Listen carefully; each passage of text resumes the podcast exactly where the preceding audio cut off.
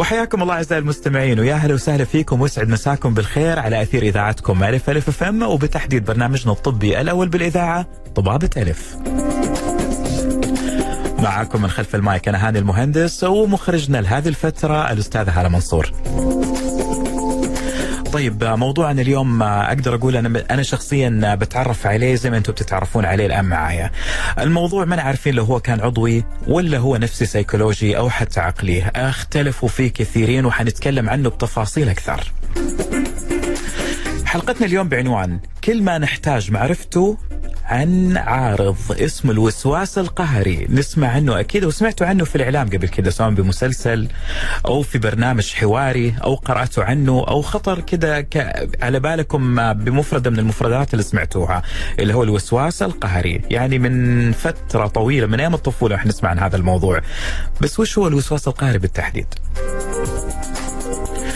طيب حسب ما قال بعض الناس المختصين في الطب إن الوسواس القهري أو الاضطراب الوسواسي القهري هو نوع من الاضطرابات المرتبطة بالقلق اللي هو الانكزايتي وتتميز بأفكار ومخاوف غير منطقية تؤدي لتصرفات قهرية. هذا الكلام اللي إحنا بنسمعه.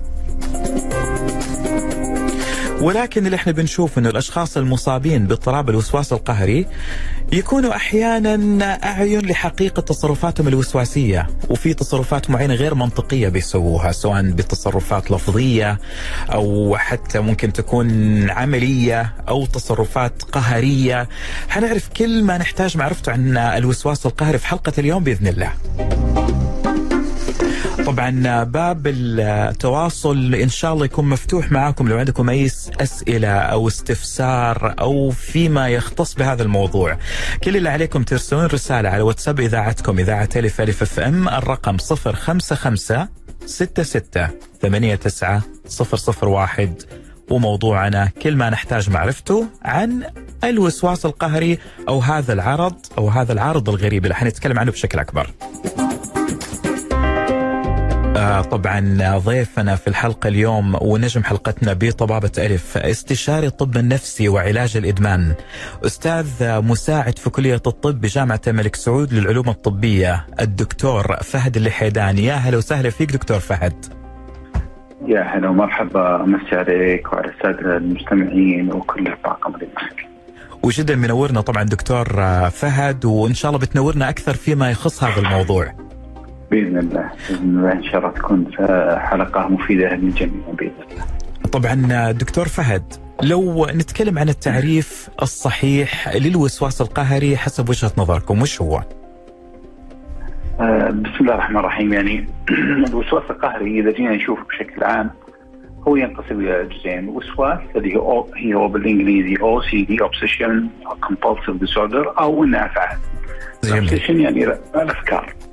الافكار يعني تكون أفكار لدى المريض أفكار ملحه مزعجة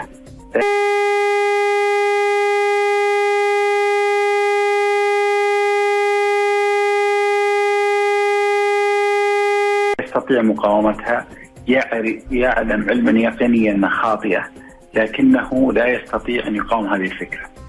فإما أن يعادلها بفكره أخرى أو إنه يعاملها يعادلها بفعل أو عمل معين لكي يخفف عليها الفكرة. النتيجة في الغالب هو كل ما استجاب للفكرة بالتفع بالتعامل معها بما تطلبه منه كلما زادت المشكلة سوءا. لكن في هو في لحظة يعني التفاعل مع الوسواس يكون يحس بالراحة. هذا تعريف الوسواس. أما تفكير الكومبولجن أو الأفعال اللا إرادية هو سلوكيات متعددة يقوم بها الشخص لتخفيف بعض هذه الأفكار غالبا. مثال يعني نعم. واضح جدا ومعروف ومثل اللي يروح لدورة المياه الله يكرمك ويتوضا مرة ومرتين وثلاث وأربع وعشر حتى حتى يعني يقضي بعضهم ساعات في عملية الوضوء لأنه ما تاكد إنه اسبغ الوضوء بشكل صحيح، هذا هذا في مثال، أو الناس يعتقدون عندهم يدينهم تجرثمت بجراثيم معينة أو بأمراض معينة فيضطر إنه يغسل يده يحس انه لسه ما ما قضاء الجراثيم. أو في ناس يحب ما عنده قدرة لازم يحاسب الاشياء يعني يحسب أوراق اللي معه يحسب الفلوس اللي معه يعيدها على أكثر من مرة ومرة. أو يتاكد يتأكد من البيبان الباب مقفول مو مقفول يروح يرجع سبع ثمان عشر مرات. فهي فعليا ليست فقط وسواس كل كل شخص عندنا عنده شوية وسواس لكن الوسواس لما يتعدى وضعه الطبيعي يبدأ يأثر على وظائف اليوميه للانسان وتصير يعني آه يأثر على أقل شيء يأخذ من يوم وساعة هنا نبدا بتعميل بتعميل التشخيص الوسواس القهري. طبعا الوسواس القهري نعم. يندرج تحته أمراض أخرى صنفت آه آه سابقا كان يصنف الوسواس القهري من أمراض القلق أو تحت تحت الانكزايتي اللي هو القلق. فعلا. بالضبط كان يصنف ك الآن يصنف ك ك ك يعني أمر بحد ذاته وصنفت تحته أمراض مثل ال ال يعني الكنز القصري القهري أو التشوه الجسدي يحسون انهم بدي بسمارت يحسون أشكالهم ميب ميب صحيحة ولازم يسوي يعدل تعديلات يشوف نفسه بالمرايه كثير أو لازم يروح الطبيب يسوي عمليات وهكذا. أو نعم. نتف نتف الشعر القهري يبدأ يشيل من شعره كثير أو قطف الأظافر. بالأسنان أو باليدين هذه كلها تكون تندرج تحت الامراض الوسواس القهري.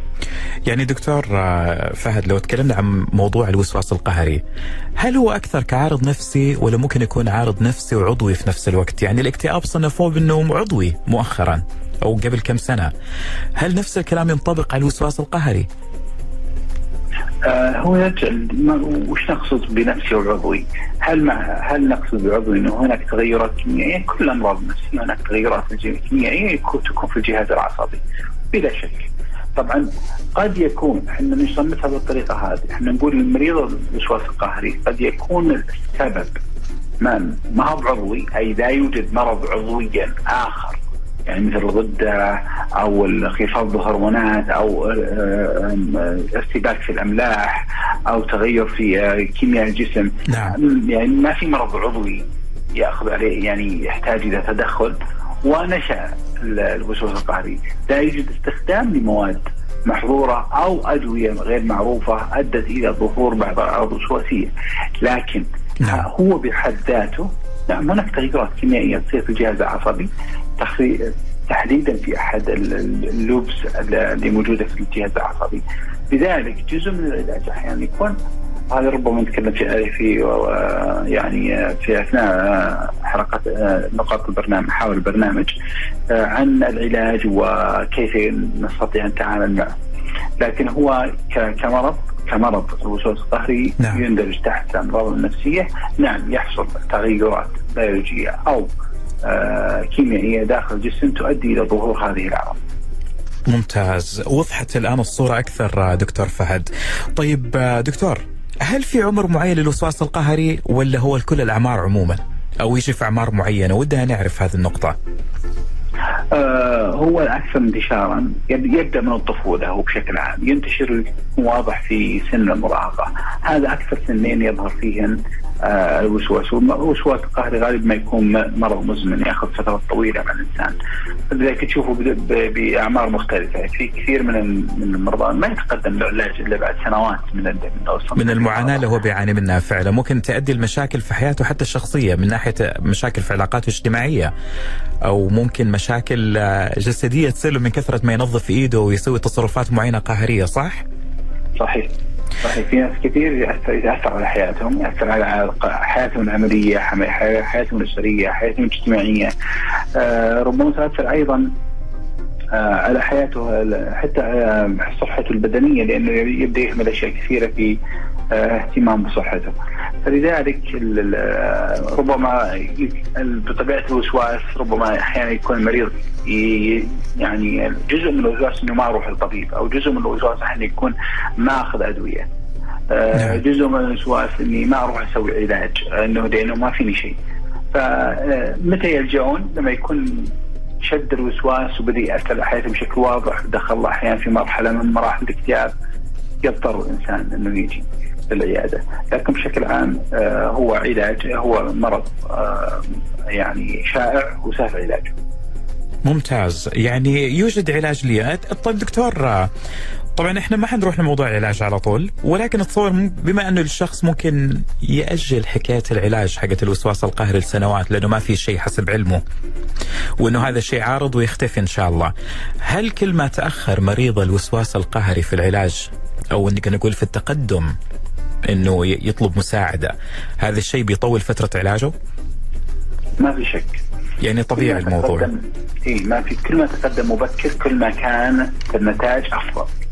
يعني نتكلم عن شخص آه، عمره بال آه، في سن بين 17 إلى 25 هذا في آه، تقدم في عمر تكوين الجهاز العصبي خصوصا ما يتعلق بالجزء الأمامي من الجهاز العصبي تكون يعني بشكل كامل بنهاية السنة 25 سنة. فعندما نعم. تبدأ من هذا الوقت بالتدريب كيف أقاوم، كيف أتعامل مع الفكرة، كيف أتعامل مع الفكرة السلبية، كيف ما أستجيب لها، كيف أخليها عادي يعني أحس فيها وأتفاعل معها لكن ما أعطيها مجال انها تأخذ من وقتي. هذا طبعا تدريب يأخذ وقته مع العلاج المعرفي السلوكي وغالبا ينجح. طيب حنتكلم في هذا الموضوع مرة ثانية دكتور بعد فاصل حنطلع فيه الآن نبغى نتكلم دكتور بشكل أنا أقدر أقول مفصل أكثر عن أعراض الوسواس القهري حسب وجهة نظركم دكتور فهد. بس حنطلع فاصل الآن شوي وبنرجع نكمل. طبعا آه، أعزائي المستمعين إحنا معانا دكتور فهد الحيدان استشاري الطب النفسي وعلاج الإدمان أستاذ مساعد في كلية الطب بجامعة الملك سعود للعلوم الطبية. حنكون مكملين معاكم بس أذكركم بالواتساب. طبعا اسئلتكم وصلت ولو حاب أحد طبعا ما سمع رقم الواتساب وحاب يرسل استفساره على 055 66 89 001 مكملين معاكم لا تغيروا الموجة.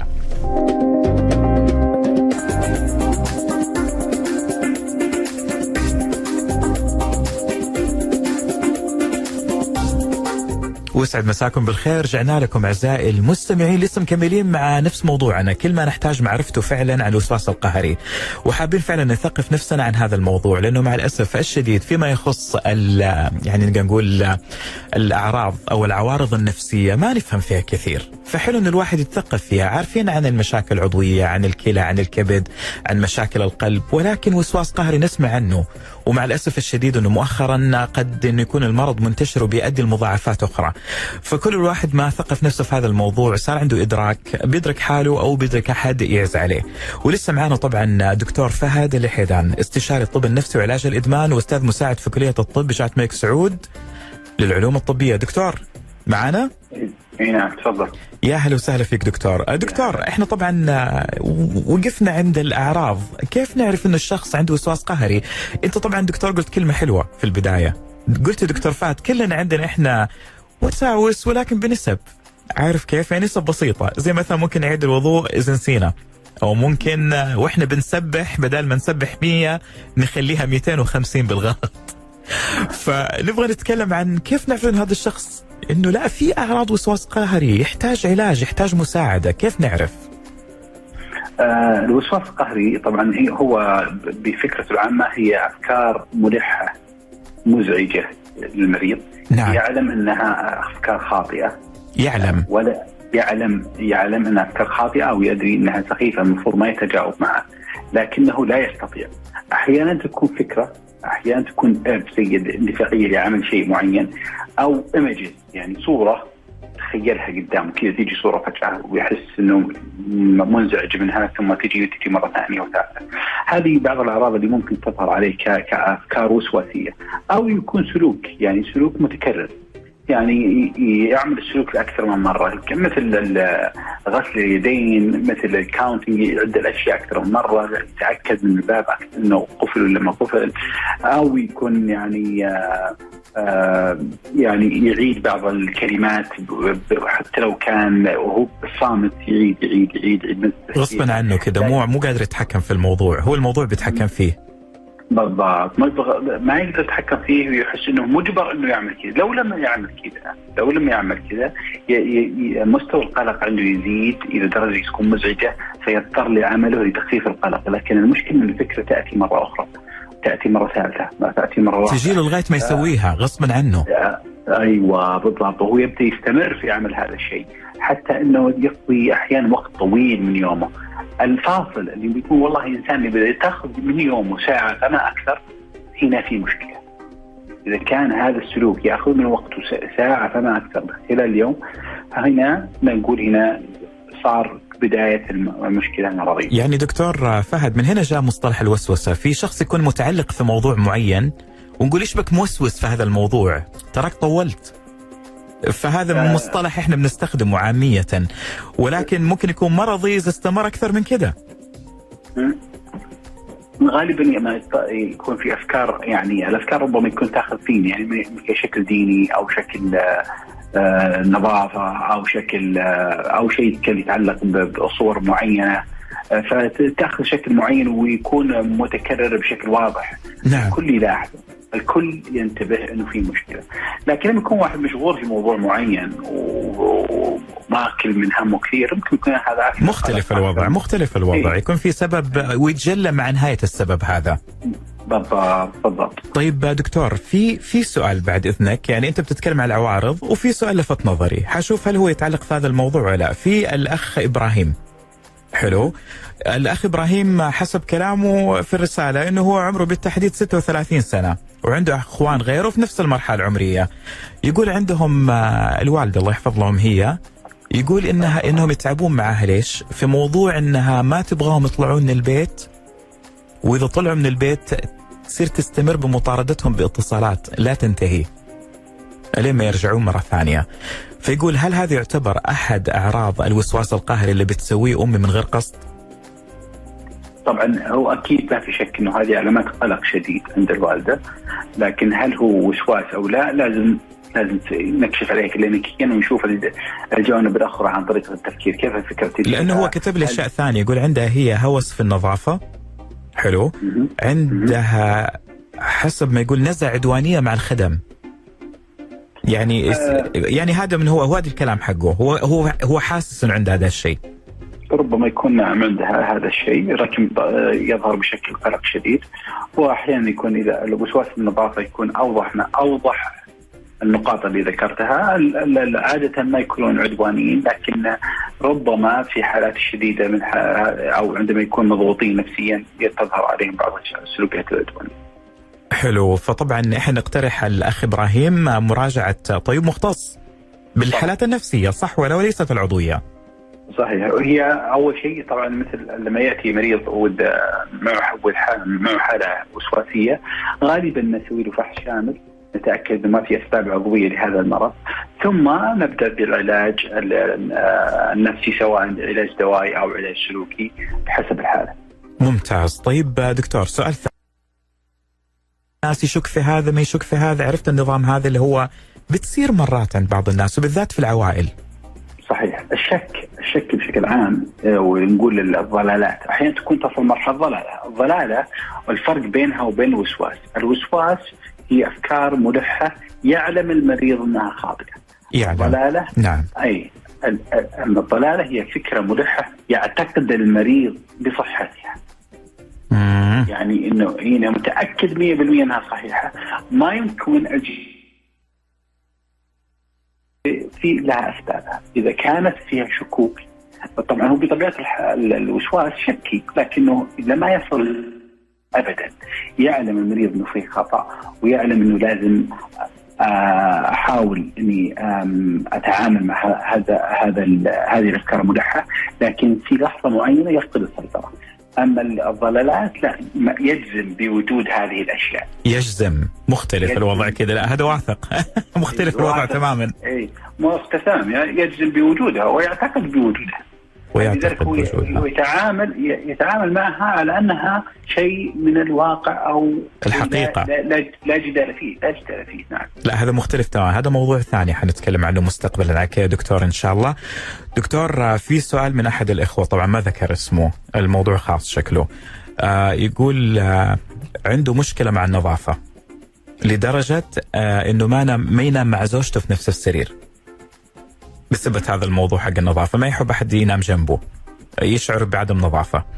وإذا قام من السرير لازم يعطر السير وينظفه. يقول هذا الشيء ادى المشكلة حاليا في حياته الزوجية. هل يوجد علاج؟ آه طبعا هي يعتمد. آه ودي افرق أيضا بين الشخصية الوسواسية وبين المرض الوسواسي. هو في فرق بين الاثنين؟ نعم، الشخصية الوسواسية هي شخصية كمالية. اللي يحب لما يجي يسوي عمل معين يسويه بتفاصيل يدق بتفاصيل كثيرة يضيع وقت طويل في عملية تصنيع يعملها بطريقة التي يعني ممكن تسويها العمل بأكثر من طريقة لكن هو يسويها بطريقة معينة ب ب ب sequence أو أو بتدرج معين. بتفاصيلها بتف... بال process حقها كله. أيوه إذا ما سوت بالطريقة هذه حتى لو كان عمل صحيح لا يقبله. هذا شخصيته وسواسية أو عنده عنده حب الترتيب حب النظافة بشكل عام ما في شك هذا سمات شخصية هذه ولا ولا فيها شيء كبير إذا بدات تأثر على حياته ونقول والله تعالى راجع عشان تبدأ عملية سلوكية.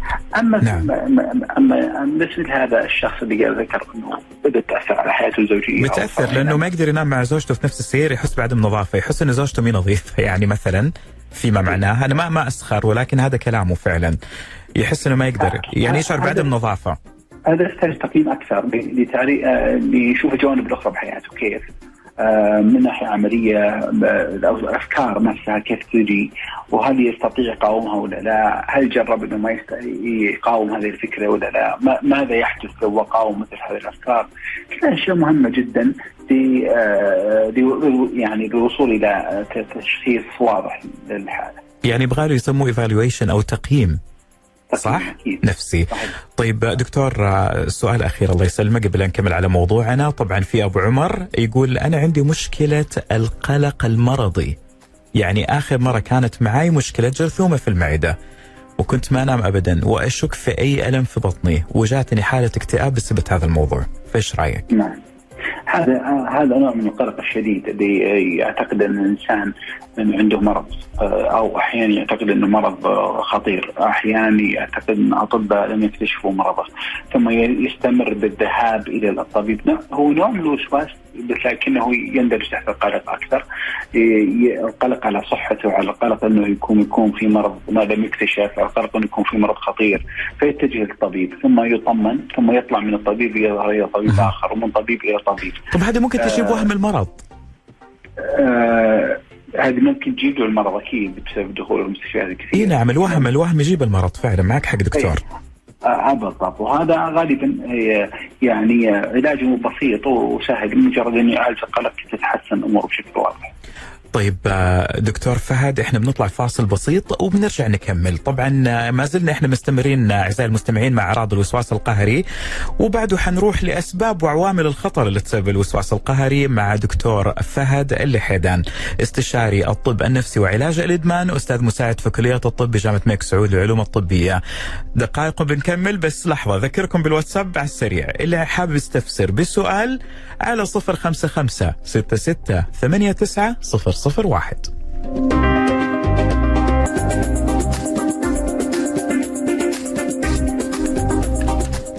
آه، أعزائي المستمعين كل ما نحتاج معرفته عن الوسواس القهري اليوم مع ضيف حلقتنا دكتور فهد اللحيدان استشاري الطب النفسي وعلاج الإدمان وأستاذ مساعد في كلية الطب بجامعة الملك سعود للعلوم الطبية بنكمل معاه طبعا في أعراض الوسواس القهري. دكتور فهد.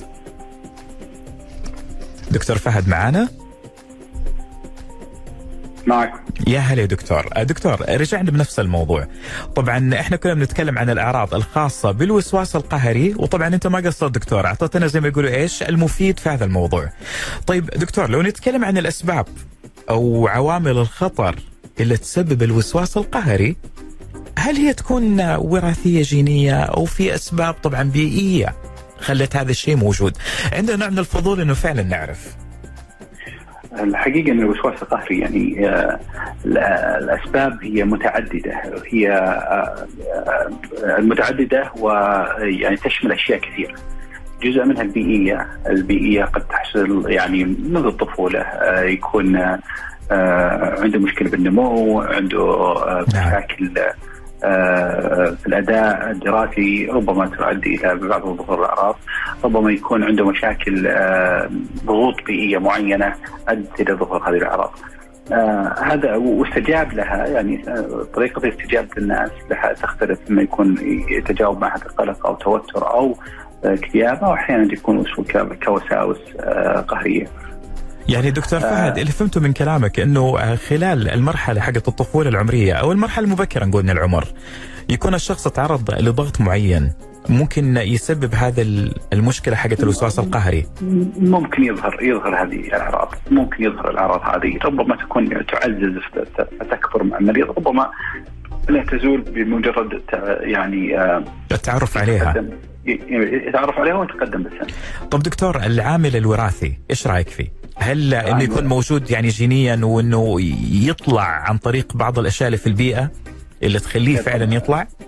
طبعا البيولوجي أو ال genetics الجينات بشكل عام لها دور كبير في عملية نشوء المرض.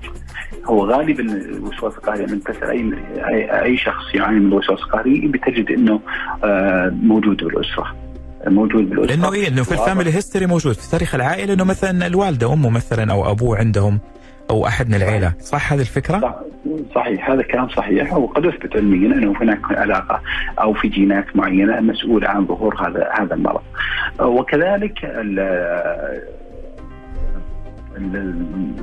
مهام الأمراض بعض الأمراض النفسية قد تحصل معها وساوس. يعني مثلا تشجع نموها يعني. إيه لا يعني مثلا الناس عندهم فصام على سبيل المثال. مثلا. 50% منها 50% منهم عندهم أعراض وسواسية. 30% منهم منهم عنده وسواس قهري مثلا. آه هذا على سبيل المثال. نعم. إيه هذا كمرض الفصام لكن بشكل عام آه وسواس القهري انتشاره مو كبير. يعني من من 1 بالمية إلى 2% قد تمتد إلى 2.5% عند بعض المجتمعات. طبعا دكتور آه، في آه، أحد الإخوة بيسأل سؤال أنا بس بذكر اسمه أحمد. يقول هل طبعا أنا ما أعتقد ولكن دكتور أنت برضو اللي أنت تجاوب هذا السؤال مو بنا لأنه أنت أدرى فيه. يقول هل في آه، علاقة لبعض الأدوية أو الأغذية بنشوء ونمو الوسواس القهري؟ آه ما في على بالي شيء معين من الأدوية أو الأغذية. آه الا إذا كان شيء محظور يعني يستخدم آه يعمل الجهاز العصبي يعني قد يكون بعض الأمراض بعض الأدوية المحظورة مو بالأدوية نقول المواد المحظورة بشكل عام قد تؤدي إلى وسواس قهري. إنه في في أسباب لكن هي تكون دائما نفسية مجتمعية بيئية آه، بتشجع هذه الأشياء أكثر دكتور. صحيح. أو ممكن يكون آه، طبعا الأخت مريم براس رساله تقول لك دكتور فهد منور الحلقة. وتقول لك دكتور فهد أنا عندي بنت عمرها بالتحديد سبع سنوات وفي تصرفات ما أدري اشك انها قهرية بس حابة أعرف منك. الترتيب الزائد عن اللزوم النظافة الزايدة عن اللزوم في غرفتها وهي لسه طفلة. هذا الشيء نوعا ما بيسبب القلق لأنه ما بتتصرف زي الأطفال الثانيين. فإيش رأيك يا دكتور؟ آه إحنا نقول زي ما قلنا قبل شوي إنه في في سمات الشخصيه الوسواسية إنه يكونون نظيفين مرتبين آه لكن ما هو بطريقة إنه يأخذ من وقتهم ويأخذ هي تقول إنها حتى ما تحب الأطفال يلعبون معاها إنه تبغى كل شيء مرتب أي. عارف كيف؟ اي اذا إذا وصلت المرحلة هذه أنا أتصور ان وجود معالج معالج سلوكي مهم جدا في هذه المرحلة. يعني لا هو بتعرف إذا ما صابت أو زي ما إذا ما صابت ما خابت. الوقاية خير من ألف علاج. برضو تقييم نفسي يعتبر زين ممتاز. جدا مهم بالنسبة لها خصوصا إذا كانت يعني بدايات وأشياء بسيطة. فهم وش قاعدة تسوي وليش تسوي وهل مأثر على جوانب أخرى بحياتها مهم جدا. زي حكاية لعبها مع الأطفال. يعني هاي تعتبر تأثير قوي. فأنا أقول ننصح أخت مريم بحكاية إنه يعني ما مو غلط إنها تعملها تقييم نفسي في أحد المراكز النفسية، وش رأيك؟ صحيح. أنا بتفق تماما خصوصا الطفل عمره سبع سنوات ما زلت تستطيع التعامل معه كثير ممكن تعدل كثير من سلوكياته لأنه في مرحلة اكتساب المهارات وإذا ما اكتسب المهارات في هذا العمر واشغل نفسه بأشياء أخرى يجد نفسه في سن متأخرة إنه متأخر عن زملائه خصوصا في عملية التواصل الاجتماعي. وفي كمان دكتور فهد سؤال من الاخ طارق آه سؤاله جميل. بيتكلم هو هو سيكولوجي أكثر كلامه. بيقول لك هل تربية الأهل وضغطهم على أولادهم في حكاية النظافة وحكاية المذاكرة وفي حكاية اللي هو تعال البيت بدري ولا التصرفات المعتادة حقت الأهل؟ عندما تكون مبالغ فيها تؤدي إلى الوسواس القهري أنا حاب أعرف. الحقيقة هي ليست معادلة يعني واحد بلس واحد يساوي اثنين. يمكن يكون اثنين أو ثلاثة مروا بنفس الظروف أو عشرة. يصير واحد بين بينهم هو اللي يصيب بالوسواس القهري أو ظاهرة أو الوهمية. الوسواسية، لكن في بشكل عام ليست الظروف بحد ذاتها من تنتج الوسواس القهري. يكون في أسباب ثانية عادة. أسباب نعم يكون في أسباب أخرى. طيب دكتور لو كنوع من أقدر أقول الفضول يعني أسباب يعني لو تمثل لنا كذا زي إيش بالتحديد عشان توضح لنا الصورة أكثر؟ هي زي ما قلنا هي ثلاث ثلاث جوانب bio psycho social biological يعني إنه يكون في أسباب جينية مؤهل وعنده الجين اللي يخلي يخلي هذا الشخص يظهر عليه أعراض الوسواسية. ال social الضغوط الاجتماعية بايا كانت باشكالها إذا كان في أحد بالأسرة عنده وسواس قهري و وبدا مثلا بضرب لك مثال يعني مثلا نعم. ظهور مشكلة كورونا على سبيل المثال. نعم. أيام كورونا قبل الناس ما كانوا يستخدموا المعقمات. بعد بعد كورونا صار في هوس في استخدام وصارت البراندات اشكال والوان والاسعار مختلفة وتلاقيها يعني وعليها اقبال بتخلص من السوق ما بتجلس فعلا.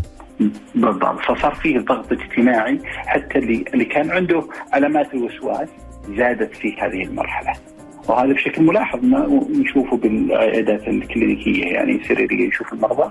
ما كان عنده ذاك الوسواس. أوكي الإنسان في أفكار تجي وتروح كانت under control تحت التحكم. لكن بعد ما بدأت الأزمة هذه وصارت ترند وإنه طبيعي كلنا يسوون كذا والإعلام ترى اشتغل في الموضوع برضو يعني عملها تغذية أكثر عند بعض الناس. الخوف الخوف. الخوف وغذي الخوف بدا فبدأ الوسواس يظهر بشكل واضح عند بعض لكن بدرجات متفاوتة. الوسواس قد يكون يعني يأخذ من وقت المريض ساعة قد يأخذ من وقت المريض حياته. يعني بلا مبالغة ممكن يأخذ حياته. يعني في ناس مثلا عندهم وسواس نظافه يقضون ساعات تصل ثمان تسع ساعات في دوره المياه. لانهم ما يعتقدون إنهم لسه ما نظفوا مثلا.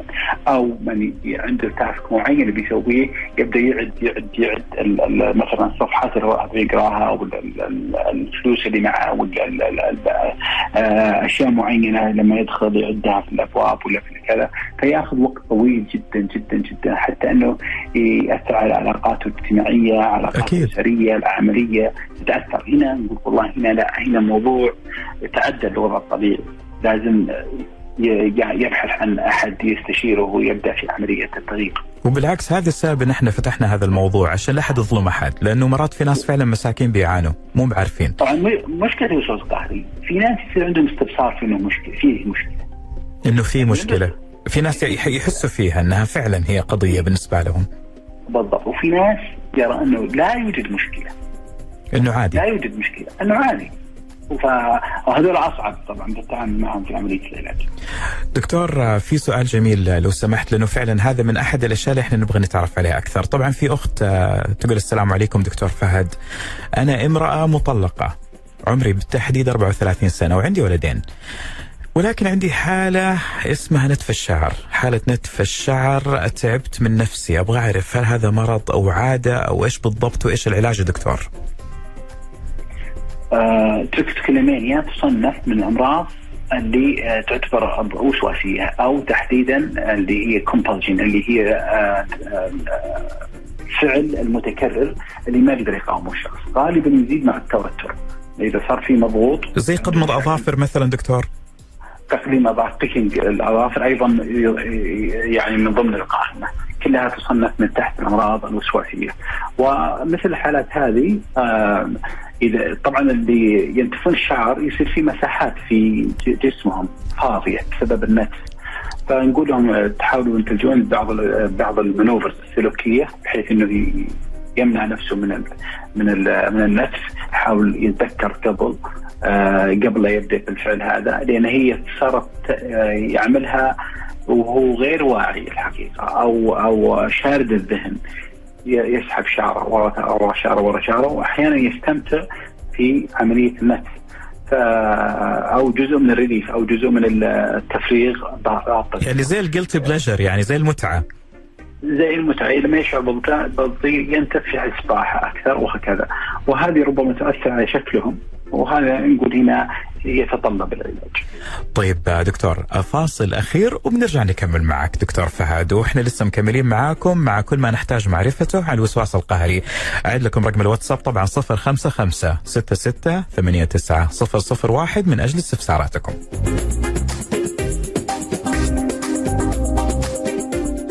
مكملين معاكم طبعا ولكن مع الفقرة الأخيرة مع الأسف الشديد فكل ما نحتاج معرفته عن الوسواس القهري مع نجم حلقتنا اليوم الدكتور فهد الحيدان استشاري الطب النفسي وعلاج الإدمان وأستاذ مساعد في كلية الطب بجامعة الملك سعود للعلوم التطبيقية أو العلوم الطبية التطبيقية. يا أهلا وسهلا فيك دكتور.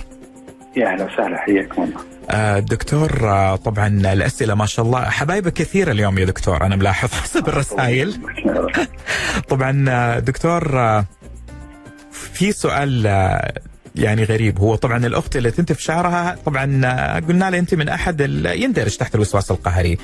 ولكن دكتور في أبو إبراهيم يقول لما أكلم نفسي أحرك يديني وجسمي بطريقة مبالغ فيها. فهل هذا كنوع من التعبير أو نوع من الوسوسة؟ إنه تصرفات لا إرادية؟ لا تصرفات لا اراديه، كثير من الناس تتكلم مع نفسه بس إذا كانت ما هي ملاحظة أو بينه وبين نفسه في أوقات هو يكون شاذ الذهن ما فيها شيء. إنه طبيعي الوضع، يعني لا يصنف إنه وسواس قهري. لا. طيب دكتور التفكير الزايد هل يعتبر وسواس قهري؟ التفكير الزايد هو غالبا يصنف قلق. قلق وليس وليس وسواس قهري، هناك فرق، يعني فرق بين الاثنين. اي الافكار الوسواس القهري هو أفكار ملحة ملحة مزعجة تؤدي إلى أنه يتفاعل معها بطريقة إنه يعمل عمل أو يعادلها بفكرة أخرى. ممتاز ممتاز جميل جدا وحلو هذا المصطلح اعطتنا هو اللي هو طبعا تفكير زايد بس ولكن لا يؤدي انه الواحد يسوي تصرفات غصب عنه. إي نعم. طيب افكار إيه؟ افكار الخوف يعني الافكار الزايد الفكرة الزايدة إني أكون أفكر أشيل هم أعطي الأمور أكبر من حجمها. اقلق على الفاضي زي ما يقولون. إي دائما عندي توقعات سلبية اللي بيصير. هذا قلق. هذا يصنف قلق. هذا يصنف قلق فعلا. فنقول للأخ أو الاخت راسل رسالة هذا قلق وأتوقع علاجه بالاسترخاء وبأشياء بديلة طبعا دكتور إن شاء الله. مو صعب. طبعا كلها كلها يعني من الأشياء البسيطة وممكن علاجها بسهولة. آه طبعا دكتور فهد مع الأسف الشديد إحنا في الفقرة الأخيرة ما أعرف كيف الوقت طار شخصيا ولكنه طار مع الأسف الشديد. أنا ما ف... ما كان عندي أي وسواس في الموضوع حق طيران الوقت لكنه طار دكتور نبغى نتكلم عن نقطتين لو كان الوقت اسعفنا عن كيف ألو... كيف أنتم حضرتكم يعني تشخصون الوسواس القهري كأطباء معالجين طبعا في هذا المجال وإيش العلاج المتبع حسب البروتوكول عندكم في المجال الطبي؟ طبعا التشخيص يكون كلينيكي يحضر المريض يكون في أخذ وعطاء واخذ تفاصيل التاريخ المرضي للمريض حتى نصل إلى تشخيص إذا كانت تنطبق عليه العوامل أو الضوابط التي على أساسها نشخص المريض على أنه وسواس قهري. نعم. مهم جدا عندنا أن يكون ما في امراض عضويه كبيرة أو أو مشكلة بالهرمونات فنسوي له فحص شامل للتاكد أنه ما في أمراض عضويه قد أدت إلى ظهور مثل الأعراض ثم بعد ذلك نبدأ العلاج العلاج والعلاج يأخذ أكثر من مسار قد يكتفي الإنسان بالعلاج السلوكي المعرفي الجلسات السلوكية آه والتدريب بحيث يكتسب المهارة لمقاومه هذا هذه الوساوس. نعم. أو إنه في بعض الحالات الأشد آه نعطي بعض الأدوية البيولوجية الآمنة جدا. ياخذها لفتره طويلة غالبا يستجيبون لجرعة أكبر من يعني من المعتاد. اي من المعتاد أكثر من المعتاد لأنه مقارنه بالقلق آه يمكن في أدوية أفضل من أدوية من ناحية الوسواس. آه يعني كل مريض ويستجيب سبحان الله لنوع من العلاج حسب أنتم كأطباء معالجين تعرفين ذا الوضع طبعا. وهذا كلام صحيح. وكذلك يعني إذا كانت في تصل حالات شديدة جدا جدا جدا يضطر يضطر المريض إنه يستخدم الجلسات الجلسات الكهربائية. آه عن الجهاز العصبي لاستثاره الجهاز العصبي وتخفيف الوسواس. آه ولو ما استجاب في حالات نادرة جدا لكنها هذه حالات شديدة جدا جدا جدا نعم. قد يضطر إلى عملية لشيء لعملية إزالة جزء من الجهاز العصبي من الدماغ جزئية معينة صح؟ صحيح وهذه في الحالات الصعبة يمكن بس دكتور تلجأوا لها الحالات الصعبة جدا جدا اللي ما لها حاولنا معها جميع العلاجات واخذوا أكثر من علاج أكثر من كورس وصلت مرحلة إنه حياتهم لا تستقيم إلا بعمل شيء. طبعا دكتور مع الأسئلة بشوفها الكثيره اللي بتوصلني الآن بالواتساب يعني واضح إنه في قلق أكثر من وسواس هذا اللي أنا شايفه طبعا في أسئلتهم. فدكتور يعني لو سمحت عشان نريح قلوبهم زي ما يقولوا طبعا ما هو الفرق ما بين القلق وما بين الوسواس؟ عشان الإخوة بدأ يختلط عليهم الموضوع. آه الوسواس هو أفكار آه آه أفكار كثيرة مزعجة مقلقة. بدون سبب يعني يعني في خوف غير مبرر، خوف غير مبرر نقدر نقول يؤدي إلى كثرة التفكير في الموضوع يعطي آه دائما توقعات سلبية لما لما سوف يحدث مستقبلا آه، قد يصحبها بعض الأعراض الجسدية مثل آلام بالقولون أو خفقان أو آه، دوخة أو عدم صعوبة بالنوم تغير بشهي الأكل وما إلى ذلك. تمام. القلق دائما في آه، يرتبط بالخوف أكثر. الوسواس هو أفكار ملحة مزعجة آه، تجبرني على عمل شيء معين مع أني أعرف علما يقينيا إنه ما له دخل أو ما راح يسوي شيء فبس لازم افعله. مثلا اضرب لكم مثال عام يعني اللي يقول يتخيل إنه يده مثلا ما هي نظيفة يروح يغسلها ثم يرجع مرة ثانية يغسلها ثم يرجع مرة ثانية يغسلها لين ما يعني الجلد حتى يتأثر حق اليدين يعني تعرف يبين إنه في مشكلة. بالضبط. هذا واحد من الأشياء يعني بعضها بعضها تكون أفكار. يقول تجي فكرة تقول إذا ما حركت الشيء هذا سوف تحدث مصيبة. مثلا ثم يقوم يحركه أو يسكر الباب إذا ما سكرت الباب ترى بيصير شيء مزعج. فيقوم يتفاعل مع الفكرة السلبية على علمه يقينيا إنه خطأ ولا يمكن يحدث شيء زي كذا لكنه ما يقدر. إنه يقاوم الأفكار الملحة هذه. فهي دائما في آه، آه، الافكار مزعجة إلى درجة إنه يتفاعل معها أو يتجاوب مع الفكرة. بغض النظر هذه الفكرة لها علاقة بالمخاوف أو لا. تعرف دكتور فهد حسيت أو يعني حسب وجهة نظري الشخصية كذا كاني استشفيت شيء من كلامك دكتور؟ صححني لو أنا غلطان. أشعر ان الوسواس القهري يعني مدعم بالعمل. يعني تحسه physical أكثر إنه لازم الواحد يسويه. ولكن أيه. القلق لا في الدماغ يعني خوف ومخاوف داخلية أكثر من غير فعل. آه لا ممكن يكون الوسواس القهري يقسم قسمه فهو العموم تكون obsession يعني مجرد أفكار. مزعجة ملحة آه، أو صور معينة تأتي يحس فيها الإنسان يحس ان صورة بشعة قدامه كل شوي تجي له ويتفاعل معها. أو أما الخوف أو القلق هو آه، خوف غير مبرر عن أحداث ممكن تحصل له في المستقبل. هذا الفرق بين الاثنين فعلا. آه هذا الفرق بشكل واضح. آه وغالب الناس اللي عندهم وسواس قهري لا يخلون من علامات القلق. موجودة بس اللي يطغى أكثر الوسواس طبعا القهري نفسه الأفعال. الوسواس القهري يظهر بشكل أكبر. طبعا الأفكار قد تؤدي إلى أفعال وقد لا تؤدي إلى أفعال يعني كأنك يعني بتقول دكتور ممكن القلق الزايد إذا ما تعالج ممكن يؤدي إلى وسواس قهري. لا مو بشرط. مو شرط؟ طيب لا. تمام ممتاز. لا بالعكس الله يطمنك دكتور يعني مو ضروري. إيه لا مو ضروري ان هذا يؤدي إلى هذا لكنه نقول أغلب الناس اللي عندهم وساوس قهريه يكون معهم. علامات القلق، أما القلق بشيء بحد ذاته ربما يكون في سمات وسواس لكن ليس وسواس قهري، ليس وسواس آه دكتور شكله والله أعلم كده مستقبلا مستقبلا لازم تكون معنا في حلقة ثانية لأنه ما كفت الحلقة هذه مع الأسف الشديد. الله يطول الوقت مع الأسف مشي وطار بسرعة ولسه في عندنا أسئلة كثير ولكن حتى المستمعين طبعا عندهم أسئلة كثير. ولكن دكتور أنا جدا شاكر وممتن لوقتك اللي قضيته معنا اليوم. الله يعطيك العافية وأمس عليك وعلى الساده المستمعين وشكرا لكم. بس طبعا وعد منك إن شاء الله مستقبلا حيكون لك برضو لقاء معنا في إذاعة الف ألف أف أم ونسلط الضوء على مواضيع مختلفة كمان. بإذن الله بإذن الله. طبعا دكتور فهد اللي حيدان استشاري الطب النفسي وعلاج الإدمان، أستاذ مساعد في كلية الطب بجامعة الملك سعود للعلوم الطبية، شكرا لك دكتور فهد. حياك الله لقاء إن شاء الله متجدد معك في أمان الله. وكان معكم من خلف المايك أنا هاني المهندس عبر أثير إذاعتكم ألف ألف أف أم ومخرجتنا الأستاذة هالة منصور لهذا الوقت. حنكون إن شاء الله معاكم بنفس التوقيت بكرة وموضوع جديد في أمان الله.